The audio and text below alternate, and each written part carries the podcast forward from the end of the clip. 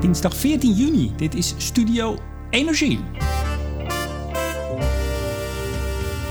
Twee weken geleden haalde het in Nederland gevestigde Ierse bedrijf Core Energy 11 miljoen euro op voor de heilige graal van een hernieuwbare toekomst: Long Duration Energy Storage. Het vlaggenschipproject staat inmiddels op stapel in Groningen. Gaat het bedrijf Groene Stroom precies opslaan en hoe denkt het de business case rond te krijgen? Want opslag valt hier nu nog buiten de subsidieboot. Dat en meer vraag ik aan de Chief Development Officer. Mijn gast is Astrid Hartwijk. En Studio Energie wordt mede mogelijk gemaakt door de vrienden van de show Neptune Energy, Koninklijke FMW, Eneco, Team Energie van Ploem Advocaten en Notarissen en netbeheerder Stedin. Mevrouw Hartwijk, hartelijk welkom. Hallo, leuk dat ik hier eh, mag zijn vanmiddag. Ja, dat is inderdaad het idee als ik dan wat zeg, dat, dat u dan wat terug zegt. Ja. Het is even wennen. Precies. Eerste podcast. Zeker, ja, Uh, maar we hebben elkaar wel al eerder gezien, vorige week donderdag, dat klopt. bij de CO2-conferentie.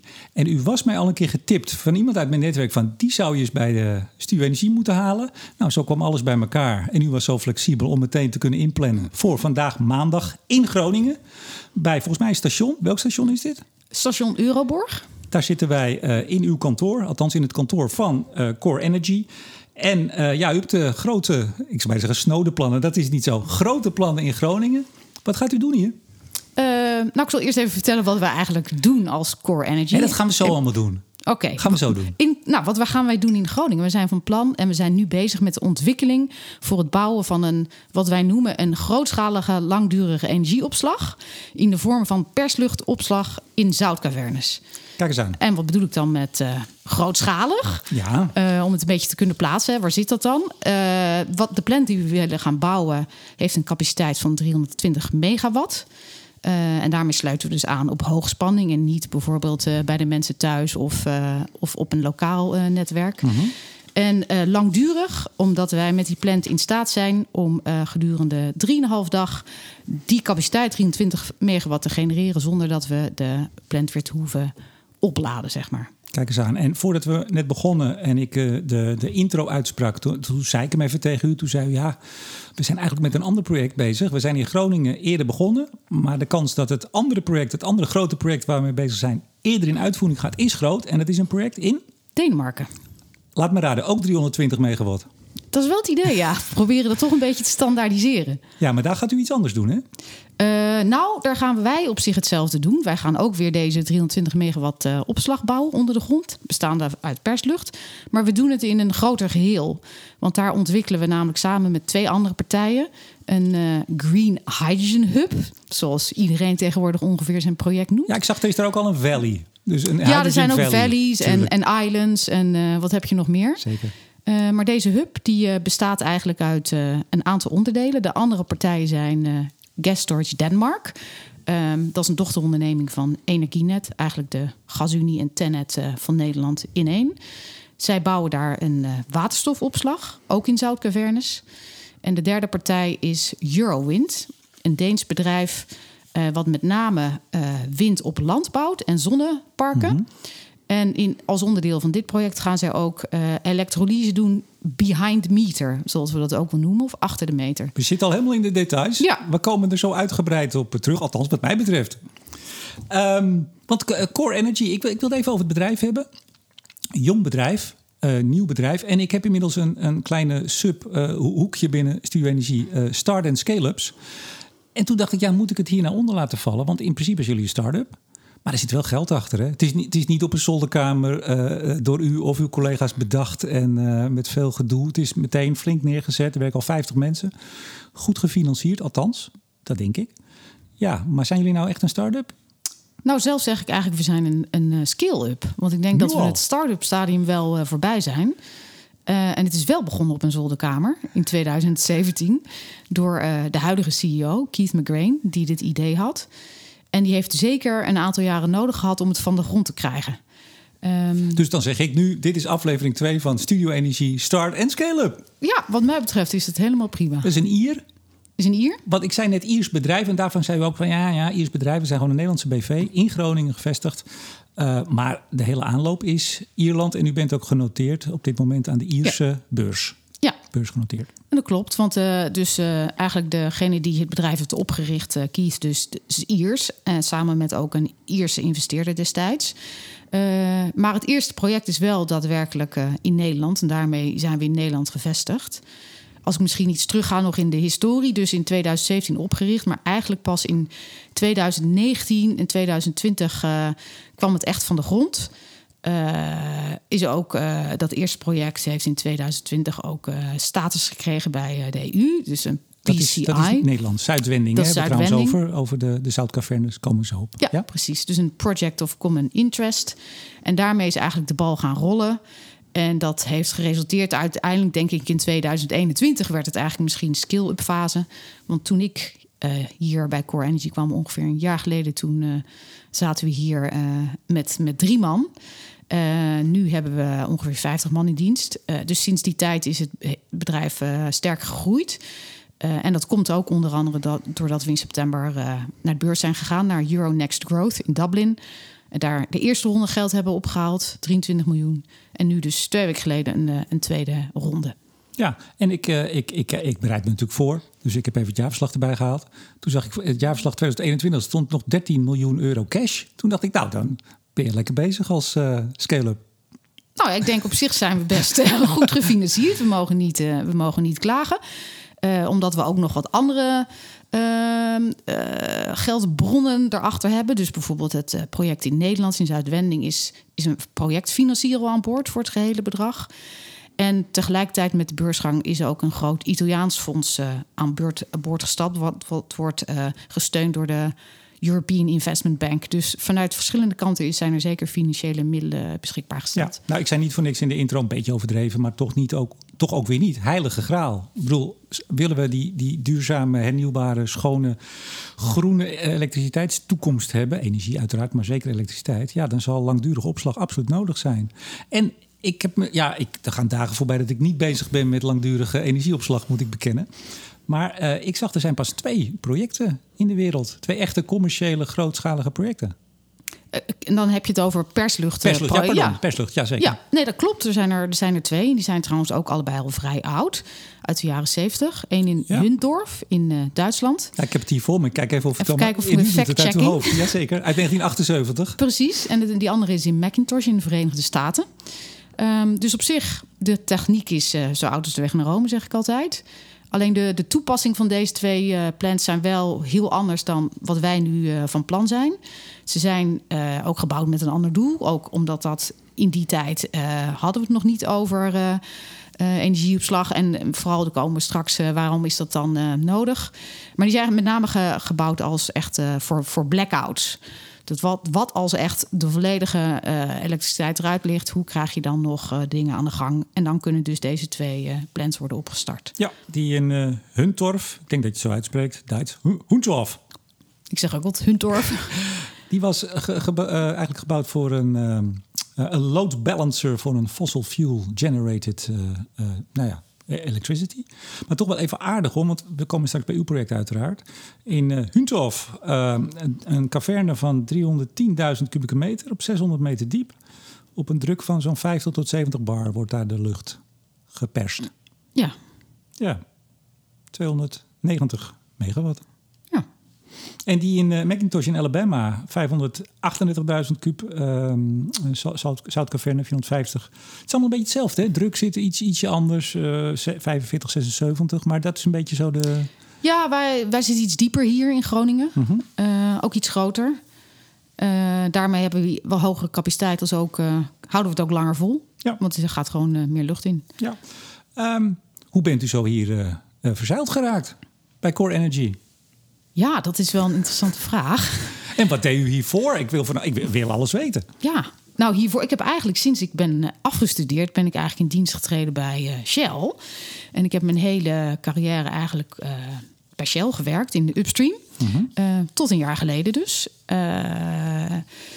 en ik werkte de laatste tien jaar bij de NAM in Assen, dus ook hier in de buurt.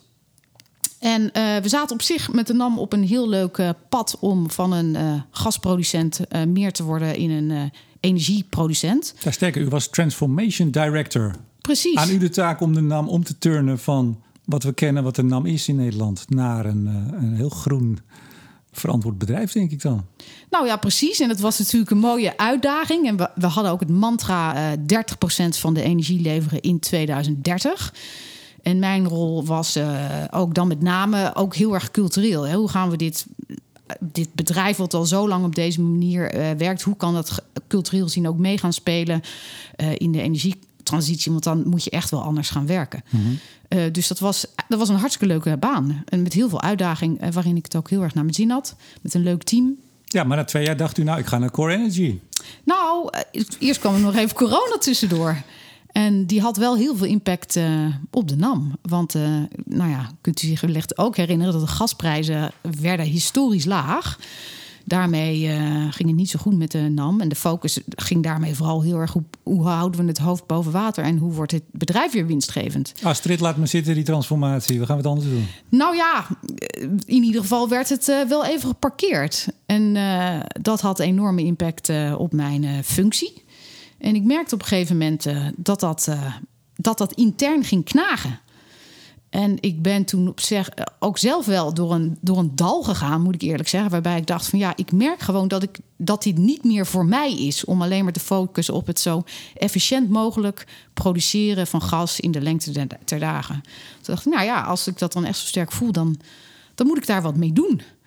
En, op- U maakt het wel spannend, hoor. ja, ja, en toen kwam dus op een gegeven moment, eh, dat heb ik toen ook besloten, kwam eh, Core Energy op de prop. En ik werd eigenlijk geïntroduceerd door, een, door iemand bij Nobian.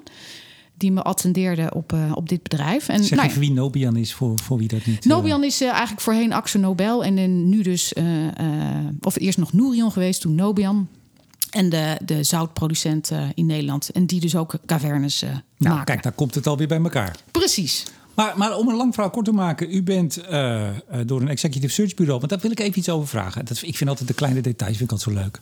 Want u stond ook op eh, de CERT Topvrouwen, daar bent u aan verbonden, denk ik. Bij Of aangesloten. aangesloten. Ja. Nou, die maken dan melding altijd van overgangen van de aangeslotenen. Ja. Maar er staat er bij al die benoemingen door welk bureau ze van waar naar waar zijn gebracht. Ja. En dit was dan weer Procore Executive Search. En dat core schrijf je dan weer hetzelfde met C-O-R-R-E. Toen dacht ik, zou dat nou toeval zijn?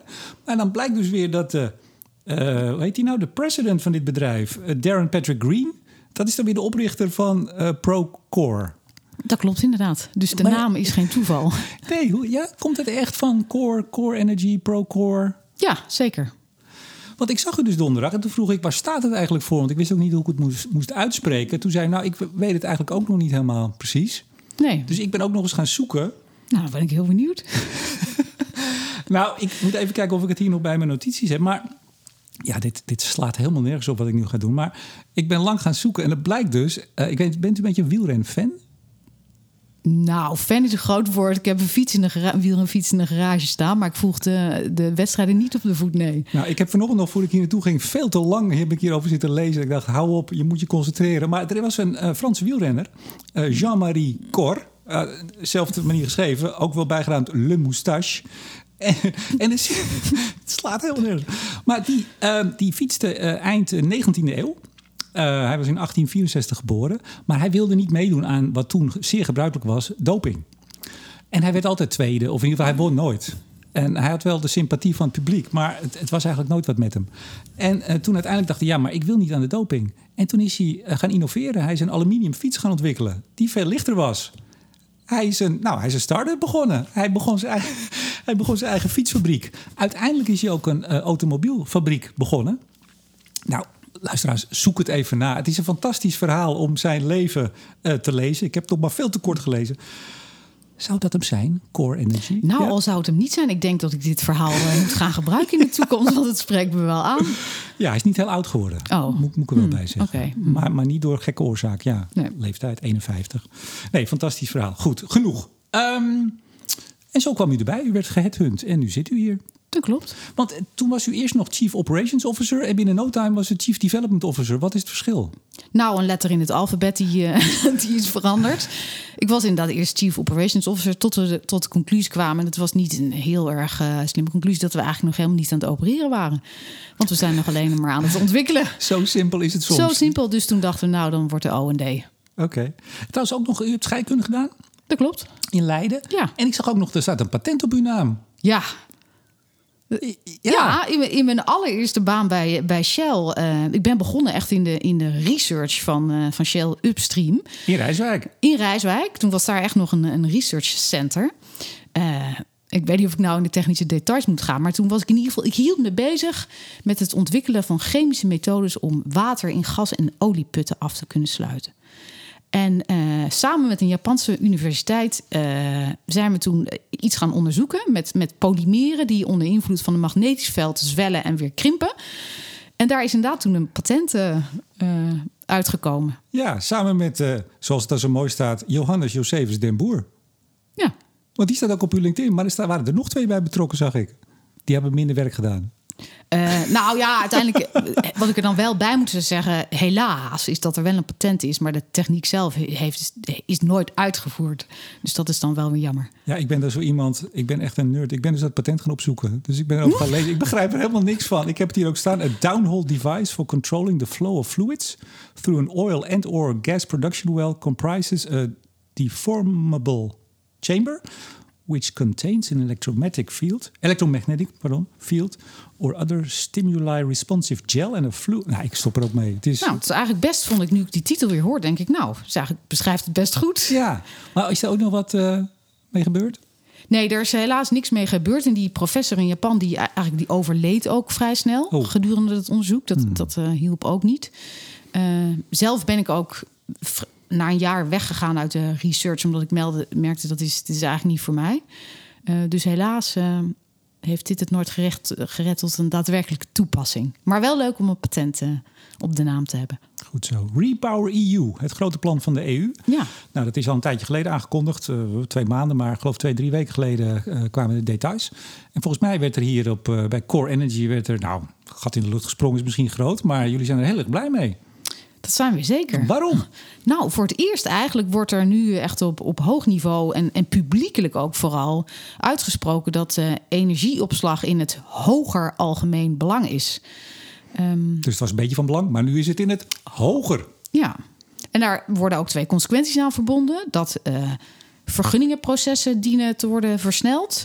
Als ook dat er meer uh, fondsen beschikbaar uh, moeten komen. Ze noemen ook precies waar dat vandaan moet komen vanuit de EU voor uh, de implementatie van, een, uh, voor, van die projecten. Mm -hmm. Ja, en dan, dan begrijp ik, maar dat heb ik van jullie website, want jullie juichten, joegen, juichten natuurlijk bij dit nieuws. Uh, ik weet niet of dat jullie vertaalslag is, want ik heb dat niet helemaal uh, nagelopen. Wel Jean Le Moustache, maar dit dan weer net niet. Uh, tot zo'n 108 gigawatt aan energieopslag nodig om de Europese doelstellingen op het gebied van klimaat, energie te halen. Ja, ja, dat is jullie berekening of dat is. Nee, dat, is, ja? uh, dat komt uit de EU of andere instellingen die uh, de EU supporten. Oké. Okay. En volgens uh, um, Bloomberg New Energy Finance zou dat wel eens kunnen betekenen tot 2040 zo'n 662 miljard aan investeringen. Ik zou zeggen 660, maar 662 miljard aan investeringen. Ja, ik snap wel dat jullie wel voldoende gefinancierd zijn. Jullie, jullie, want jullie noemen je ook een, een leader hè, in deze business. Zijn jullie dat al of willen jullie het worden? Nou ja, we opereren natuurlijk op dit moment nog niks. Dus uh, nee. we zijn in ontwikkeling. Maar als je op zich kijkt naar de portfolio uh, aan projecten die, die we hebben, dan, dan zijn we wel goed op weg. En dan zijn we ook wel een van de, van de grootste wat dat ja, betreft. Want ik wou ja. vragen, ik, ik probeer nog een beetje te kijken wie nou de concurrenten zijn, uh, ook in Nederland. Maar ik, ik kon niet heel veel vinden. Nee, er is wel in Canada een bedrijf actief met een soortgelijke techniek, niet helemaal. Um, en die zijn ook vrij agressief. Die zijn ook dingen al aan het implementeren. Die zijn ook vrij agressief. Wie is dan ook agressief? Bent u ook agressief? Uh, nou, misschien zeggen, zij zijn agressiever dan wij zijn. Want ze hebben daadwerkelijk wat uh, projecten geïmplementeerd. En die opereren ze ook in ja. Californië. Uh -huh. um, en dat is voor, voor zover ik weet... wat betreft persluchtopslag... de, de enige echte uh, concurrent. Er zijn natuurlijk andere manieren van grootschalige opslag... -huh. die we hier in Nederland niet zo toepassen... Um, Je hebt ook dat Zwitserse bedrijf, volgens mij is het Zwitsers, die gewoon blokken beton ophijzen. Ja, precies. Energy Volt heten ze volgens mij. Werkt dat nou? Uh, nou, dat moet u aan, u, aan, uh, aan hen vragen. Maar ik kan me voorstellen wel dat dat werkt. Maar kent u een centrale? Want ik heb daar wel eens bij BNR, een paar jaar geleden toen ik daar wekelijks uh, commentaar gaf. Nou, het is dan leuk, dan komt er, dan, dan, dan slaan ze op de trom en dan komt er een filmpje uit. En ja. god, wat leuk, je hijst een blok op, je zet het hoog neer. En op het moment dat je stroom nodig hebt, nou ja, laat je hem gecontroleerd naar beneden vallen. maar ik, ik heb het nog nooit daadwerkelijk gezien. Het is volgens mij ook nog niet operationeel. Er is overigens een hele leuke aflevering van Tegenlicht. Die een heel scala aan uh, energieopslagmogelijkheden uh, uitlicht. Mm -hmm. Dus dat is leuk. Maar, maar, en deze zit er ook in. ik denk wel dat het werkt. Ik denk dat het grote verschil is met wat wij doen, is dat, je, dat ze het niet zo lang kunnen volhouden. En dat het ook niet op zulke grote capaciteit is. Ja. Wat, ja. Jullie gaan dus voor de Compressed Air Energy Storage. Hoe spreek je die afkorting uit? Zeg je dan ik zeg altijd uh, Kees. Ja. In Nederland hoor ik ook wel kaas. Kaas. kaas Maakt mij niet zo uit. Want waarom gaan jullie op die techniek zitten? Want er zijn er inderdaad meer. Heb je dan al beoordeeld met z'n allen? Zeggen, nou, dat is niks, dat is niks. Dit is hem. Uh, nou, het ligt er ook een beetje aan uh, waar je zit. Uh, en er is een heel mooi plaatje. Nou, ik kan hier geen plaatjes laten zien in nou, deze kunt wel doen, maar podcast. Het, het heeft niet heel veel zin. Precies, maar want er zijn natuurlijk een heleboel energieopslagtechnieken. En ik denk ook echt dat ze allemaal een plek hebben. Het is niet de een of de ander. En noem nog eens wat. We nou dus ja, batterijen kennen we natuurlijk allemaal. Maar, dus, uh, uh, maar grootschaliger heb je bijvoorbeeld uh, waterstofopslag. Mm -hmm. hydropower. Of... Ja, want die, die, die laten we er eigenlijk altijd buiten als we het hierover hebben. Hè? Want dat is zo'n bekende, dat is eigenlijk de enige grote, die is heel groot. Ja. Stuwmeren, et cetera, in, bij de Noorden en Oostenrijk en waar dan niet. Maar dat ja. zetten we eigenlijk altijd een beetje apart hè, als we het hierover hebben. Ja, nou ja, ik denk dat we die ook apart hebben. Want als je ziet bijvoorbeeld, wij kijken altijd, wij vergelijken altijd naar uh, wat is de capaciteit van, van een andere techniek en wat is de responstijd. Dus hoe snel kan zo'n uh, techniek uh, reageren. Mhm. Mm -hmm. um, en dan heb je een heel scala dus. Bijvoorbeeld batterijen, niet zo hoge capaciteit. Houdt ook niet, lang, niet zo lang vol, een paar uur misschien. Maar kunnen wel echt supersnel reageren. Uh, en hydropower zit eigenlijk wel een beetje in de hoek waar wij zitten. Als in grote capaciteit. Mhm. Kan ook best nog snel reageren. Niet zo snel als die batterijen, kunnen wij ook niet. Mhm. Uh, maar ja, in Nederland zijn niet heel veel bergen. Dus dat wordt dan toch een beetje een uh, lastig verhaal. Mhm. En daarmee is eigenlijk compressed air. Als je kijkt naar wat is nou eigenlijk de, de lowest cost van uh, energieopslag per kilowattuur wat je opslaat, dan kom je eigenlijk uit bij Kees. We gaan het straks over geld hebben. Wel belangrijk. Want u wil ook misschien wel wat subsidie hebben. U bent goed gefinancierd, maar er moet toch wel wat subsidie bij verlopen. Ja, dat klopt. Uh, ik, het, verbaast mij ook weer. Ja, ik vind het zo, daarom vind ik uh, Studio Energie maken ook zo leuk. Want iedere week, nou, ik ben redelijk op de hoogte van een aantal dingen. Maar soms moet je toch, ga je toch weer even een weekendje de diepte in. Al vanaf 1870, toen, toen begon men al uh, dit soort systemen te bouwen in steden. Parijs, Dresden, Buenos Aires, Birmingham. Ik wist het niet. Nou, ja, niet, niet, niet, wat u gaat maken nee, nee, hoor. Maar... Maar um, uh, citywide compressed air, uh, uh, nou Case of Kaas systems have been built since 1870. En ik zag dat meneer Victor Pop, die maakte het eerste systeem om klokken aan te drijven. dus die stuurde iedere minuut een, een pulsje lucht onder druk naar de, naar de arm van de klok, zodat die steeds een minuutje verder ging. Zo was een heel klokkensysteem. Ja, u hoort ja, ook nog eens wat. Ja, voor mij, precies. En al in 1896 was er in Parijs een systeem van uh, 2,2 megawatt. Maar hoe dat nou precies werkte, weet ik niet. Dat dreef onder andere motoren in de lichte en de zware industrie aan. Nou, er zijn vast uh, luisteraars die hier veel meer van weten. Uh, laat het mij in ieder geval weten en dan geef ik het weer een uur nou, door. ik hoor het graag. Of doe het op, op social media, dan kunnen we het allemaal, kunnen we allemaal van genieten. Uh, ik, begrijp wel, dus één uh, uh, nou ja, probleem, één issue, een belangrijk issue bij um, onder druk lucht, is de temperatuur. Ja. De temperatuur bij het samendrukken en weer, hoe zeg je dat, expanderen? Expanderen. Ja, want daar zijn dus verschillende technieken voor om daarmee om te gaan. Klopt dat? Dat klopt. Ja. Wat is jullie techniek? Nou ja, dus misschien moet ik even uitleggen wat er dan gebeurt. Hè. Natuurlijk, als je, we, we beginnen ermee dat als er heel veel groene stroom is, dan gebruiken wij die, die overtollige groene stroom om lucht te comprimeren. En die sturen we dan uh, naar beneden in een zoutkaverne. Ja, laten we gewoon, we pakken Groningen erbij. Zuidwending, ja. energiebuffer Zuidwending, uh, Energy Stock, dat is gasunie, die hebben daar zes cavernes. Ja. En er zijn er nog vier over. Of zeg ik het verkeerd? In totaal zijn er zes. Eh, er zijn nu zes bestaande gasopslagen, heeft Energy Stock. Pardon, en er is nog ruimte voor vier cavernes. Dat is het. Nieuwe. Nieuwe, Ja. ja. En hebt u, hebt u nu al een caverne? Kunt u gewoon nu naar de caverne lopen? Helaas niet. Nee, want daarmee zit, nou ja, dat zit nog in een eh, ontwikkelingproces. en eh, Nobian ontwikkelt voor ons die cavernes. We gaan Zuidwending trouwens beginnen met, met twee cavernes meteen. En eh, er moet eerst een testput worden geboord om te kijken of de zoutformatie eh, op die plek geschikt is. Maar, maar sorry, even, even voor mij. Eh, Zij winnen daar zout. ja. Dat, blijft dus een, dat, dat spoelen ze eruit. Daar blijft dus een heel groot gat. Ja. Een grote holte. Een grote soort, soort... Ja, ik zou er wel eens in willen staan. Maar dat gaat niet lukken, hè? Nee, nee, Nee. Die, je kunt het is te klein om er te komen. Precies. Maar daar zijn ze nu mee bezig. As we speak wordt daar nu zout gewonnen. Dus langzaam, beetje bij beetje, wordt uw caverne uitgegraven. Zou ik bijna zeggen. Uitgespoeld. Eh, op dit moment worden er andere cavernes eh, uitgeloogd nog. Want voor de eh, cavernes voor ons is nog geen vergunning. Dus dat gebeurt later. Maar Nobian is natuurlijk continu bezig met het winnen van brine voor uiteindelijk zoutproductie. En hoeveel cavernes hebt u op het oog? Twee. We beginnen met twee. Met twee, precies. Ja. En wanneer zijn die er dan? Want hoe, hoe snel worden nieuwe cavernes... cavernes? Nou, dat duurt best een tijd. Want Ja. je wil dat ook niet eh, te snel doen. Omdat je ook die, je wil die groei in die vorm van die caverne kunnen controleren als je hem maakt. Mhm. Eh, dus dan, dan wil je dat niet te snel doen. Dus daar gaat wel zo'n twee jaar overheen voordat zo'n caverne daadwerkelijk Oh, klaar is. Dat is toch best snel. Toch? Nou, dat duurt, nou ja, in, in het geheel van wat er dan nog meer moet gebeuren om dat te realiseren, duurt het dan daadwerkelijk toch nog best even voordat wij die eh plant Ja, maar u kunt allerlei hebben. andere zaken, daar gaan we het zo over hebben, kunt u allemaal al voorbereiden. En op het moment Ja. dat u zegt, ja, nu is de caverne voor jullie, nou, dan gaan jullie los. Toch? Dan moeten we nog wel even iets bouwen daar eh, boven rond, of misschien tegelijkertijd. Het ligt eraan ook wederom eh, de vergunningen, maar dan kunnen we los, ja. Op enig moment zijn er cavernes. Ja. Twee. Hoe groot zijn die ongeveer? Die zijn allebei een half miljoen kubieke meter per stuk. Dus in totaal hebben we een miljoen kubieke meter. Oké, en dat is dan, hoe, die, hoe diep zitten we dan? We zitten ongeveer de bovenkant op eh 1000 meter. En die cavernes zijn ongeveer 300 meter hoog. Ehm, dus nou, om dat even voor de beeldvorming. De, de Eiffeltoren die zou erin eh, passen. Zo zijn bizar, hè? Dat je, als je daar Ja. zou kunnen komen, dat je in een soort kathedraal, nou, een kathedraal, een paar kathedralen boven Ja. elkaar. Het is enorm, ja. Ja, En dat zijn dan nog feitelijk kleine cavernes. Ja. Ja.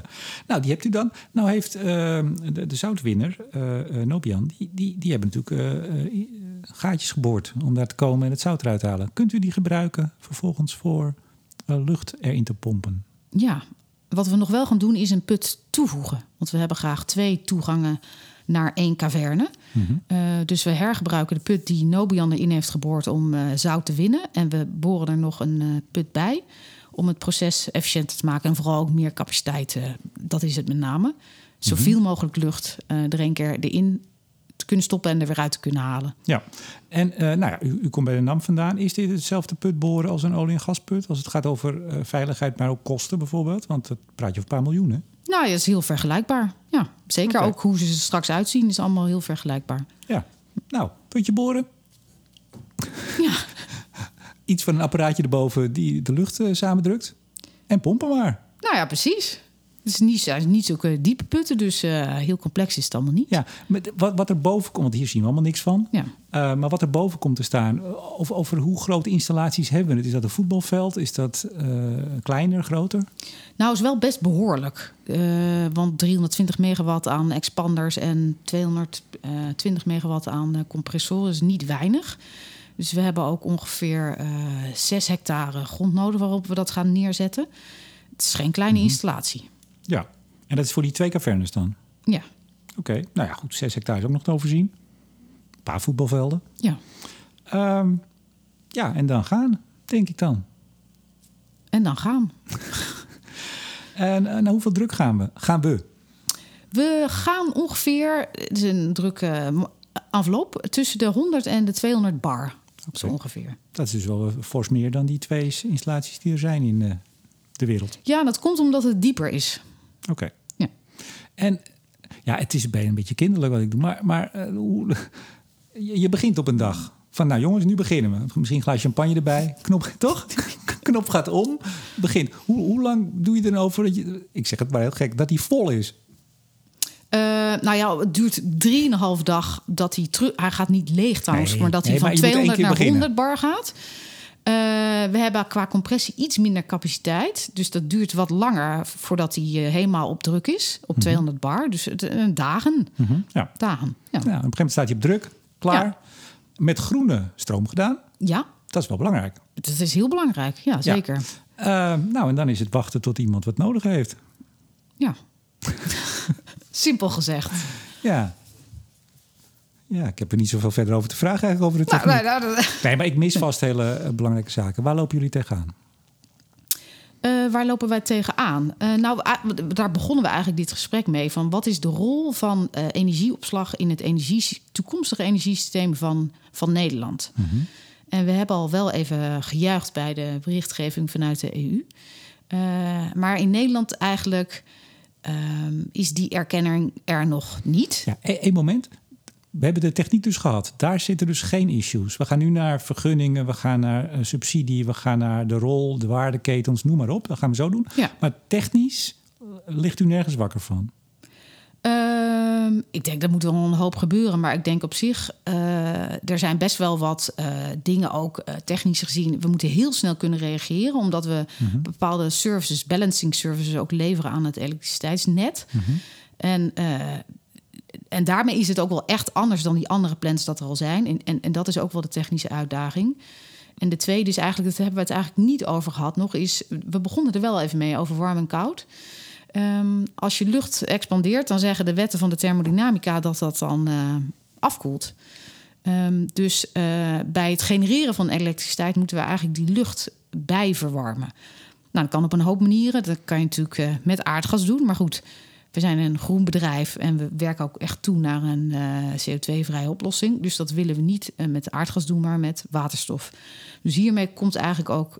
Dit is ook onze link naar eigenlijk de waterstofwaardeketen. Uh, hm. Is dat wij het ook gebruiken. Ja, en dan heb ik het waarschijnlijk over groene waterstof. En dan hebben wij het over groene waterstof, ja. ja. Die er nog niet is. Die er ook nog niet is. Nee. Maar goed, het, er is nog even tijd. Er is nog even tijd. En daarom, daar komen we misschien straks weer. Dan gaan Ja. we naar Denemarken. En, want daar hebben we die dingen in, in, een, in een consortium gevat. Om te zorgen dat alles wat er nodig is, er dan ook op dezelfde tijd is. Nou, laat, laten we meteen dat sprongetje maken. Denemarken. Uh, de Green Hydrogen Hub Denmark project. Um, ik heb even de tekst op uw website hoor. It aims the project to, uh, to be the first fully commercial, viable, 100% green, large scale, dat is allemaal toe, large scale hydrogen production, storage en kaas of case solution. Ja. Alles in één. Alles in één. Eigenlijk een veel leuker project dan in Groningen. Groningen is maar een beetje, beetje tweederangs.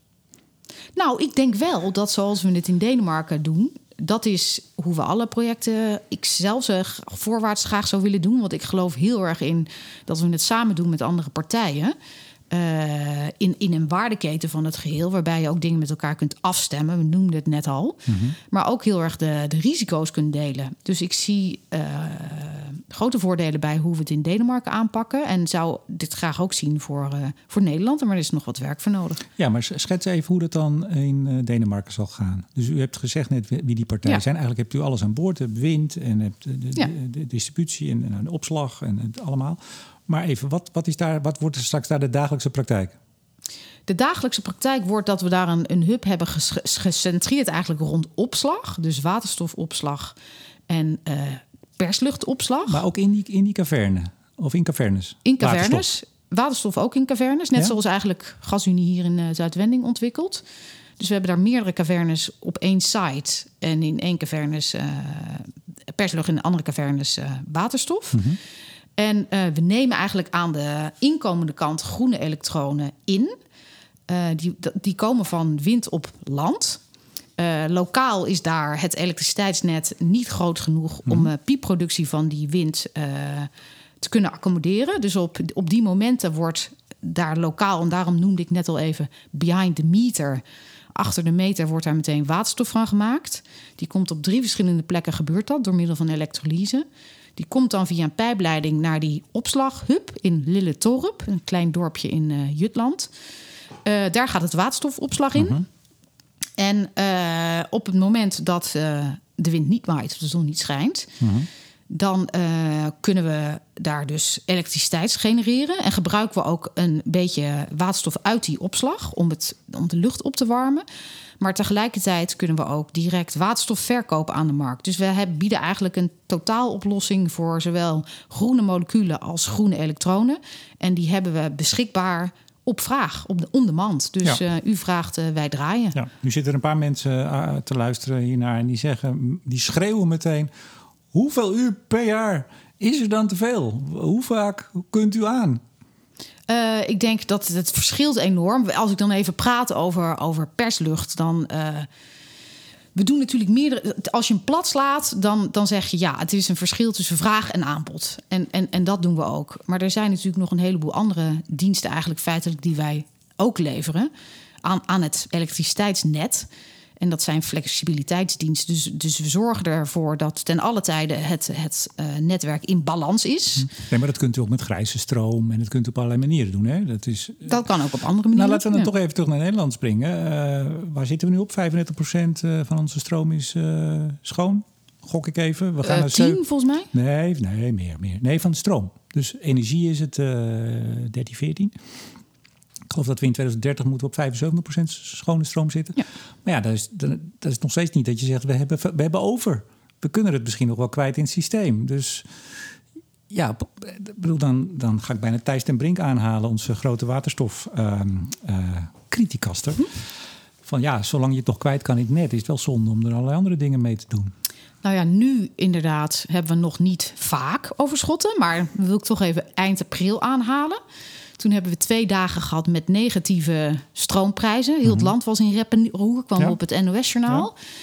En ehm, er zijn eh, natuurlijk... Dat gaat veel vaker komen. Dat gaat veel vaker komen, want nu ook als onderdeel natuurlijk voor Fit for 55 al. En daarna Repower EU, daar is die weer.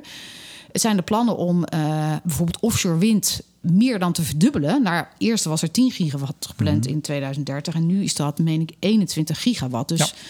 De toevoer aan groene stroom gaat echt Er enorm komen hard genoeg groeien. momenten dat u zegt, ja, we gaan Ik aan. maak me daar geen enkele zorgen om. Kijk eens aan. Ja. Ja. de berekeningen laten we hier even zitten allemaal, want dat is best ingewikkeld. En dat is denk ik ook iets waar jullie voortdurend mee bezig zijn. Om te kijken van op welk moment in de tijd is er hoeveel voor ons. En dan komen we straks op die business case, want die moet wel kloppen.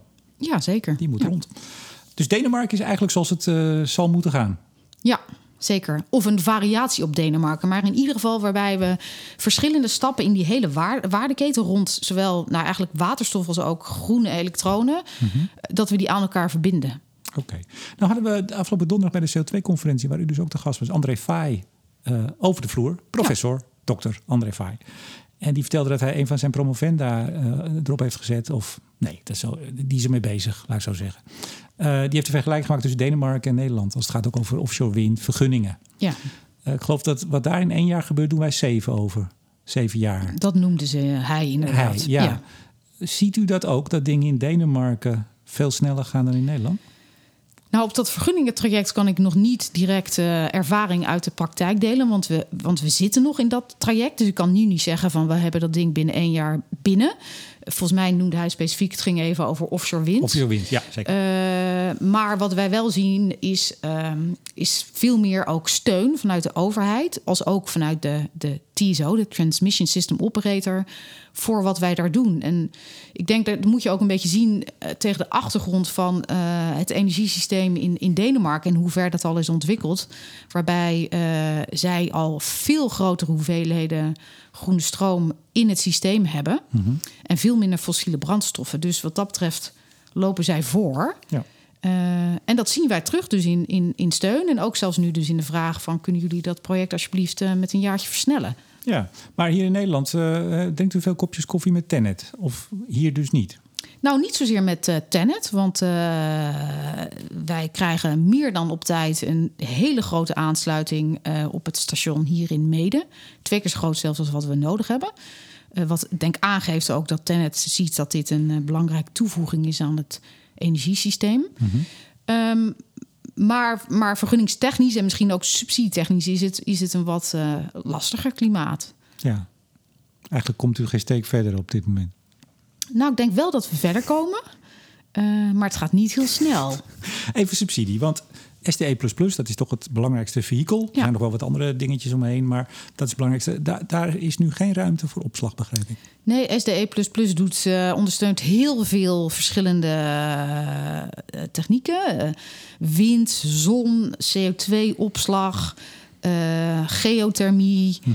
Eh, nou ja, van alles en nog wat. Maar opslag zit daar helaas niet in. Hmm. U valt overal een beetje buiten de boot. Ja, helaas wel.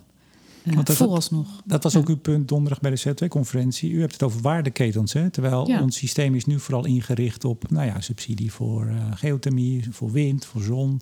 Logisch ook, hè? La- Laten Ja. we, bedoel, dat, dat heeft ons ver gebracht en is ons nog ver aan het brengen. Ehm, maar wat zou er wat u betreft dan moeten gebeuren? Ehm, nou, misschien moet ik het even terugpakken ook naar eh, waarom zijn we er dan? En, en eh, waarom is nu die regeling zoals die is? En ik denk, ehm, in Nederland is het 20, dan gaan we even terug naar CO2. 20% van de CO2 komt in Nederland van, eh, is afkomstig van elektriciteitsproductie.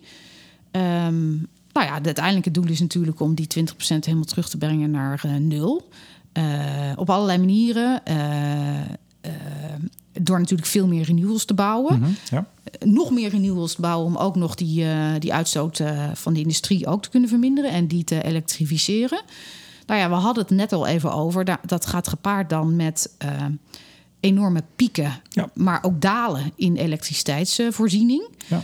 Ehm, in Nederland hebben we het heel veel over waterstof. Als zijnde een manier waarop je zowel ehm, industrie of mobiliteit... die afhankelijk zal blijven van een gas... te kunnen voorzien van een CO2-vrij vrij gas, Ja. waterstof in dit geval... Ja. als waarmee je ook die, eh, die, die overschotten, die enorme pieken... in elektriciteitsproductie kunt, kunt afvangen. En, en dat is zeker allemaal waar... Eh, maar waar we dan het eigenlijk niet heel vaak over hebben, is wat je dan doet als er geen aanbod van groene stroom is. Ja. En eh, we erkennen wel ook, eh, zelfs in de, in de klimaatsbeleid van eh, vorige week, als reactie ook, denk ik op Repower EU, dat ehm, eh, regelbaar vermogen voor het gene- eh, voor van de elektriciteit echt noodzakelijk is eh, voor het net. En ook dat we eigenlijk af willen van fossiele elektriciteitsbronnen. Dus, Maar. maar, maar wat lees ik daar dan in? Dat we dan dat gaan, opbouwen, gaan oplossen volledig door het bouwen of omschakelen van bestaande elektriciteitscentrales naar centrales die eh, gebruik maken van CO2-vrije bronnen, oftewel Ja. eh, hoofdzakelijk waterstof. Nou, ik denk zeker dat dat heeft zeker een plek. Eh, maar dan denk ik wel dat we één ding ook over het hoofd zien. En dat is dan Mhm. de, de rol van die grootschalige energieopslag Ja. kan spelen in ook het, het uitfaseren van gascentrales in Nederland. Ja, u hebt het over de beleid. Wat is ook weer de beleids, nou ja, eh, beleidswijziging door, door Jette. Ja, precies. Jette, Van, voor, van voor begin juni. Precies. Ehm, maar als ik, als ik het even in mijn eigen woorden eh, samenvat. Ehm, we komen van ver. eh, en we zijn er ook nog lang niet. Maar we komen van ver. En er moesten allerlei hernieuwbare bronnen gestimuleerd worden. Nou, dat gebeurt. Zon zijn we kampioen in de wereld per inwoner. Meeste vermogen. Eh, wind op zee is een van onze, iets waar we ons op de borst voor mogen slaan in Nederland. Dus we hebben niet zoveel, maar wind op zee wel. Is het niet gewoon een ontwikkeling, en u loopt daar nu mee in de spits als, eh, als Core Energy, dat dit een kwestie van tijd is voordat die toch vrij essentiële schakel die jullie proberen te, op te zetten, dat die ook binnen het subsidieregime zal vallen? Nou, dat is helemaal waar. En ik vind ook dat ik er niet over moet zeuren, maar dat, ik dan, dat wij er dan ook zelf voor moeten zorgen dat dat dus inderdaad meer eh, onder de aandacht komt. En ik geloof ook helemaal eh, dat we die kant eh, opgaan en dat die waarde wel erkend zal worden. Ook omdat we dat in de landen om ons heen zien. Maar daarom zijn we bijvoorbeeld ook in, in Nederland zelf ook een studie gestart. om de waarde van opslag in Nederland. TNO is daarmee bezig. Om die waarde te, te bepalen. En ik ben daar heel positief over. Ja, want, want hebt u veel contact met EZK bijvoorbeeld? Eh, regelmatig wel rond. eh ja, En, proeft u daar dan, ik neem aan op ambtelijk niveau, ik neem aan dat u niet iedere week bij Robjetten zit, Nee, zeker Nee. niet. Nee. Maar proeft u dan op ambtelijk niveau ook een soort welwillendheid? Ziet, ziet men het belang van eh, grootschalige, langdurige opslag? Nou, dat begint nu te veranderen. Want we hebben ook best lang gehoord dat we daar toch eigenlijk niet zo'n rol in te spelen hadden. Maar wel, men was wel geïnteresseerd. Hè? Dus zo van, maar die Zuidwending. Plant, Vertel eens, wat laten gaan we die jullie wel doen. Want eh, doen? we zijn wel benieuwd hoe dat, hoe dat bij gaat dagen. Maar dat. Maar die dialoog die verandert nu wel meer naar ehm, eh, echt wel een rol. En Maar- dat hoor ik ja. ook terug in. eh, je ziet vaak ook wel kaas genoemd worden als onderdeel in, in documenten en Mhm. uitspraken. Sander Gaastra heeft het ook publiekelijk wel een paar keer genoemd. Dus nou ja, dat is gewoon een. dat, dat verschuift Ja. de goede kant. Ja, Sander Gaaster, de directeur-generaal Ja. Energie. Maar u zei, u zei net van ja, aanvankelijk was het, zag men eigenlijk niet een soort rol daarvoor. Maar hoe dacht men dan binnen EZK om, als we dat systeem steeds maar meer vol, vol duwen met, eh, met schone wind en zon, eh, hoe dat dan geregeld zou moeten worden? Had men daar dan geen idee van? Nou, zeker wel. En ik denk ook dat het natuurlijk het modelleren van het toekomstige energiesysteem is natuurlijk ook enorm complex. Ehm, en, en in ontwikkeling. Eh, en wat, waar het tot nu toe vooral op is gefocust, is eigenlijk op de rol van waterstof in het, in, in het geheel. En ook in, in, in generatie van elektriciteit. Ja. Dus een grote afhankelijkheid van eh, eh, elektriciteitscentrales draaiende op waterstof, als ook bijvoorbeeld interconnectors. Hoeveel stroom kunnen we halen vanuit onze buurlanden? Ja, plat gezegd, het idee, we zetten heel veel wind op zee. Als we te veel hebben, dan maken we er waterstof van. Dat kunnen we opslaan. En als we het nodig hebben, gebruiken we het weer. Dat Ja. was, en toen kwam u aan met kaas. En toen dachten ze, nou, moeten we ermee? Nou ja, precies. Dus dat heeft denk ik even tijd nodig. Hm. Is, is, is eh, het, het opslaan in de vorm van waterstof, valt dat wel al binnen SDE? Eh? Oeh, dat is een goede vraag, want dat, dat doen wij natuurlijk niet. Maar dus dat, dat durf ik eigenlijk niet te beantwoorden. Hm. Nou goed, we, ik denk dat we vaststellen hier zo even met z'n tweeën dat, dat de, de, ehm, de tijd er langzaam rijp voor wordt. Ja, dat denk ik. En ik denk ook in het geheel, dan kom ik toch weer even terug naar die, naar die CO2. Van hoe, hoe past dit dan? Hè? En wat is de impact? En bijvoorbeeld, eh, bijvoorbeeld ook om in aanmerking eh, te komen in het verleden al voor, voor eh, geld van de EU, hebben we ook veel dingen moeten aantonen. Waarom bijvoorbeeld van wat is nou eigenlijk onze impact op CO2-emissies? En daarmee hebben wij is onafhankelijk aangetoond dat, dat één zo'n eh, kaasplant eh, zorgt ervoor dat er per jaar 600.000 minder ton, 600.000 ton minder CO2 wordt eh, de lucht ingaat. Eh doordat er eh, minder eh, elektriciteit Ja. op eh, gas onder andere Lijkt hoeft te worden moeilijk geproduceerd. uitrekenen. Ja, en er zijn gelukkig eh, bureaus die dit, eh, die dit ook kunnen. En, eh, maar misschien moet ik hem nog even plaatsen in, in de vergelijking. Hè? Want 600.000 ton, is het dan veel? Is dat dan weinig? Om gevoel voor te krijgen. Bijvoorbeeld in Nederland horen we veel over het eh, CO2-opslagproject eh, Portos. Wat CO2 gaat afvangen van de industrie en Ja. offshore gaat opslaan in de gasvelden. Een paradepaardje. Nou, prachtig project. De hoeveelheid eh, CO2 die ze per jaar gaan opslaan is 2,5 miljoen ton. Dus even orde grootte, dan hebben wij het met, met één kaasproject ongeveer over een kwart van eh, de CO2 van zo'n Portos-project. Dan gaan wij natuurlijk niet het opslaan, maar wij gaan zorgen dat het niet Ja, de lucht in nee, gaat. precies, Maar ja. geef wel de orde grootte even weer. Zeker, zeker. Ehm, ik, ik vroeg u donderdag eh, op de CO2-conferentie... wat is het rendement of de efficiëntie van het systeem? En toen, we moesten er een klein beetje om lachen, u ook. Maar u ging enigszins in de verdediging. Eh, omdat u vaak gevraagd wordt, wat is het rendement? Vertel even het rendement. Eh, gewoon percentage. Eh, en het, het bleek wel dat u dat dan toch een beetje moet inkleden. Met veel mits en maren en... en Nou, niet met mits en maren, maar waarom ik erom moet lachen is dat het... vandaag is het pas denk ik de, de twaalfde vraag of zo. Maar normaal gesproken is het, ik denk de tweede vraag die mij gesteld wordt. En hij komt ook altijd met een beetje met een ondertoon van... het zal wel waardeloos ik heb zijn. hem bewust tot het laatst bewaard. Ja, Ja. Eh, en dan denk ik altijd... ehm, ik lees daar twee vragen in. Dus Mevrouw laat- Hartwijk, wat is het rendement? Precies. Nou, dan ga ik twee antwoorden geven. Want ik denk dat we het dan moeten... Er zijn twee vragen eigenlijk die u stelt. Wat is het technische rendement? Ja. Maar ook wat is het economische rendement? En ik ga u het technische rendement vertellen... maar ik ga toch even beginnen bij het tweede, bij het We hebben niet zo economische heel veel rendement. tijd meer. Oh, oké. Nou ja, nee, we, hebben nog wel, maar niet. Nou, we hebben het net natuurlijk over gehad al wat er gebeurt eh, in de toekomst als er meer renewables on, eh, het systeem inkomen. En ook vooral dan, wat zijn dan, behalve dat we energie opslaan en die pieken opvangen en dan weer leveren als het niet is, wat doen we dan nog meer? En dat is denk, denk ik wel belangrijk. Door eigenlijk wat wij doen, wat wij doen, leveren flexibiliteit aan het systeem. Dat voorkomt dat het elektriciteitsnetwerk onnodig moet worden uitgebouwd om die pieken Mhm. op te vangen. Ja. Maar we balanceren ook het net. En we zorgen, we dragen bij aan het handhaven van 50 hertz. Ja. En uiteindelijk dus dat het licht uitgaat. Ja, maar dat doen de Ehm, tuinders ook. En dat doen heel veel industrieën er- die een beetje harder, een beetje zachter gaan draaien. Ja. Dus er zijn heel veel die eh eh, load balancing, hè? Er lopen heel veel partijen die dat doen. Eh, maar ik denk wel dat er wat er recent ook veranderd is door bijvoorbeeld de, de situatie in de, in de Oekraïne. Dat men zich nu meer gaat realiseren dat leveringszekerheid, eh, leveringszekerheid niet een vanzelfsprekendheid is. Eh, als ik in ieder geval voor mezelf spreek, ik ben van Ja. een generatie waarin leveringszekerheid, ja, dat, dat is er gewoon. Daar denk je niet over na. Je kan het licht altijd aandoen of je gasfornuis aanzetten. Dat is er. En maar nu realiseert men zich dat eigenlijk dat niet een vanzelfsprekendheid is. Maar als u deze twee antwoorden geeft, of dit antwoord, eh, blijven mensen nog luisteren. Want op een gegeven moment denken ze, ja, vertel dan maar Ja. een percentage. Vertel nou, maar. nou, dus rond ik deze even af. Dus volgens mij heb ik- mijn punt gemaakt over wat is de economische efficiëntie. hè? Dan gaan we naar de technische efficiëntie.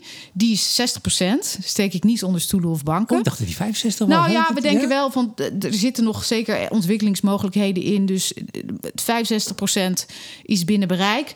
De, de volgende stap die wij willen maken, waar we nu ook mee bezig zijn, is ook het hergebruik van onze eigen warmte. Dus de warmte die we genereren aan de compressiekant, die gebruiken we weer aan de expansiekant. Ik begrijp dat, dat, dat daar de sleutel zit in een eh, hogere efficiëntie. En, En, dan gaat het echt omhoog. Ja. En, eh, maar ik denk ook, ik zeg altijd gekscherend, je moet het, de vraag is ook van, eh, eh, eh, wat is de eh, technische efficiëntie in vergelijking met wat?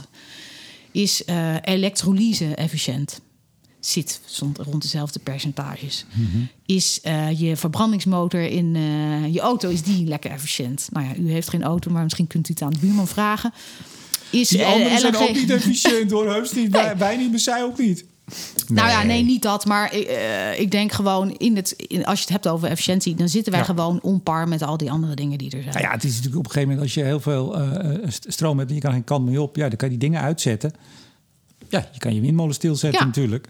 En je kan ook kijken, nou, wat, wat levert het op als we het toch laten draaien? En door welk proces dan ook gaan met opslag en terug. Zij, u zei eh, economische efficiëntie, maar toch even. En vertel het mij maar, want ik weet het toch niet. Eh, dus ik, ik kunt mij alles op de mouw spelden. Hoe kijk je hier nou naar als bedrijf? Nogmaals, eh 2017 toch inderdaad op de zolderkamer opge- opgericht. 2018 officieel naar de beurs. Eh zit geld in, 50 mensen. Ja, doen eigenlijk nog niks aan, aan, Gaat alleen maar geld uit, gaat alleen maar geld uit. Ik zag vorig jaar al 4,9 miljoen salariskosten. 4,9. Dus toen waren er ook al een maandje of 50. Ja, ja, nou ja, want we hebben nu 50 man in dienst... maar we hebben nog zeker, en Ja. ik denk inmiddels meer... 50 consultants ook in dienst. precies. Dus, dus eh, vorig jaar al, eh, al eh, bijna 5 miljoen salariskosten. Hoe kijk je dan als bedrijf naar eh, wa- wat hebben wij nodig om, om business te hebben? Kijk je dan naar eh, CO2-prijs? Kijk je naar subsidie? Kijk je naar wa- wa- wat zijn je parameters voor in jaar zoveel? Want u hebt beleggers. Eh, nou, luisteraars kunnen ook even naar de site gaan. Je kan beleggen, je kan investeren worden. Zeker, ik zou het aanraden. Koop een aantal aandelen. Dat vermoed ik al. Ehm, eh, maar waar, wa- wat is de horizon? Naar welk bedrag of welke, welke knop kijk je als profijtelijke business case? Eh, nou, dan kijken we naar een aantal dingen. We kijken natuurlijk ook van naar wat is het alternatief nu. Hè? Dus wat is eh, eigenlijk gasprijzen, maar vooral ook in combinatie met toekomstige CO2-prijzen. Want dat gaat bepalen wat het alternatief kost. En de andere waar we heel erg naar kijken is de ontwikkeling van eh, prijscurves van elektriciteitsprijzen. Dus en dan met name wat zijn de extreme en, en hoe vaak komen die voor. Ehm, de derde is wat is de is nu en wat is de toekomstige ontwikkeling van eigenlijk de disbalans in het elektriciteitssysteem? Dus wat is de waarde ook van al die ancillary services? En een niet een onbelangrijke is ook eh, wat denken we van waterstofprijzen nu en in de toekomst? Omdat wij die eh, willen gaan gebruiken eigenlijk als brandstof.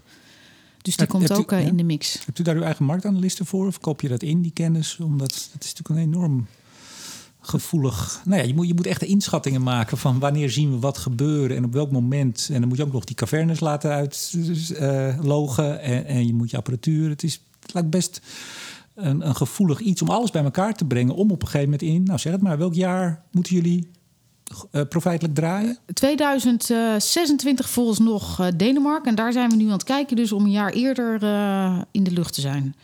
Dat is de vraag eigenlijk die voor ligt. Maar in 2026 als de eigen rationeel. broek, op- maar ook de eigen broek al ophouden financieel, of moet er dan nog enorm veel subsidie of andere steun bij? Nou ja, dat is dus ook heel erg sterk gelinkt aan, eh, aan al die factoren. Dus eh, er, er- we hebben wel. Het zou mooi zijn als we wat hulp krijgen daarin. Mhm. Ehm, de projecties die we doen op de lange termijn, 2030 Mhm. en verder.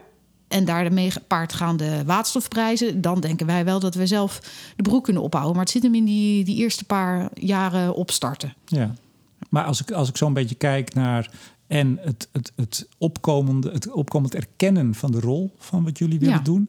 En toch dat er geen kleine partijen bij betrokken zijn. En ook veel in het management. eh, niet alleen de CEO, maar ook de, de andere mensen zag ik. Veel ervaring in, eh, in investeren en financing, et Ja. Eh, moeten jullie het wel nog een paar jaar kunnen uithouden. En het dus redden naar dat, naar dat punt. Die 230 of misschien hopelijk iets eerder. Eh, nou ja, met, met wat hulp, dat hopen wij wel. En ik denk ook een van de krachten is van Core Energy is, want er zijn natuurlijk meerdere spelers met dit eh, thema wel bezig geweest. Is het, zelf in-house kunnen modelleren van wat is dan die toekomstige waarde. Ja. En dan op basis daarvan dus ook investeerders over de streep kunnen trekken. Ja. Als ook daadwerkelijk toegang hebben tot die cavernes. Want daar ja, begint het toch uiteindelijk allemaal. Zonder caverne Ja. eh, kunnen we niks. Mag ik nog een tip geven? Je moet eigenlijk ook tegen deze microfoon, voor deze microfoon zeggen... oh, we redden het niet zonder ST++. EZK help al. Want nu denken ze, nou ja, nou, die redden het wel. Nou, volgens mij heb ik een paar keer gezegd dat we zeker wel wat hulp kunnen Wel gebruiken. maar ik ja, maar het klinkt heel een- chic. Zo, we kunnen wel wat hulp Ja. gebruiken. Maar Ja, en is- heb ik het niet over eh 2,1 miljard, geloof ik, om Portals maar weer eens aan te halen.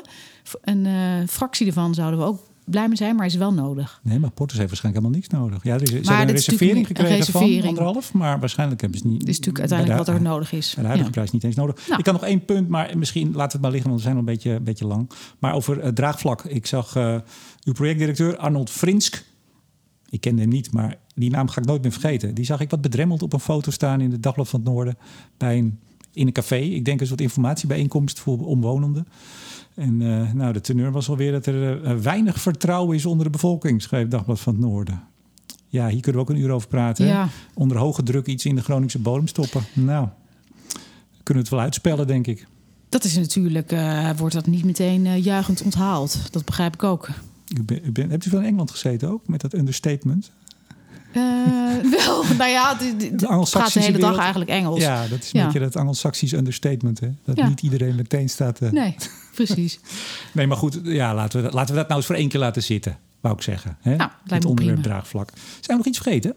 Nou, volgens mij eh, was het een redelijk compleet gesprek, toch? Ja, nou, dit is dus deel 2 of aflevering 2 in eh Studio Energie Start and Scale Up. En dan vraag ik volgens mij nu maar, dat besluit ik nu, standaard, hebt u nog mensen nodig? Want er zijn altijd mensen die hier naar luisteren. En er was er ook iemand, die was bij mijn feestje Intelligentia en ook bij de CO2-conferentie. Die zei, ik ben van baan veranderd na het luisteren naar Studio Energie. Mensen worden het ook nog geïnspireerd. Oh, u heeft wat. Nou, we hebben allerlei vacatures. Kijk. Dus ik word nou maar helemaal enthousiast. Ja. Eh, Waaronder een aantal vacatures in. eh, ik ben van de development Ja. in eh, mijn eigen afdeling. Dus we zoeken, zijn op zoek naar eh, project developers. Kijk, eh, om te kunnen expanderen in Europa. Want we hebben natuurlijk nu dat geld al opgehaald. Dus dat wil ik graag uitgeven. ja. En dat is door eh, het expanderen in, verder in Europa. En daar heb ik mensen voor nodig. Ja, maar en wat, wat voor mensen? Ja, we zijn nou toch bezig. Het is gewoon een gratis reclamespot. Wat, Ja. wat, wat, wat, wat zoekt u dan? Wat voor achtergrond hebben ze nodig? Nou ja, bij voorkeur in, op de, in de energiemarkt. Maar ook bijvoorbeeld wel mensen die ervaring hebben met het bouwen van grote chemische plants bijvoorbeeld. Dus meer projectmanagers.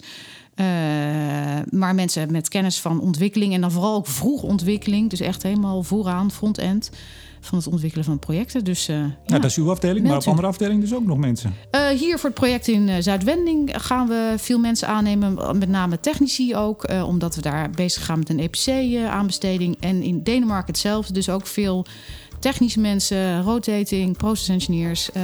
nou ja, Ja, heel Nou, veel. Hartstikke goed. Nou, er zijn echt, eh, en ik kan me heel goed voorstellen, mensen die, die steeds meer de sprong nemen eh, van, van grote gerespecteerde bedrijven in de, nou ja, ik zeg het toch maar, en dat is met respect, de oudere economie, die de sprong willen maken naar, eh, naar jullie. Want ik zag wel, jullie hebben twee slogans, dat vond ik nog wel wat verwarrend.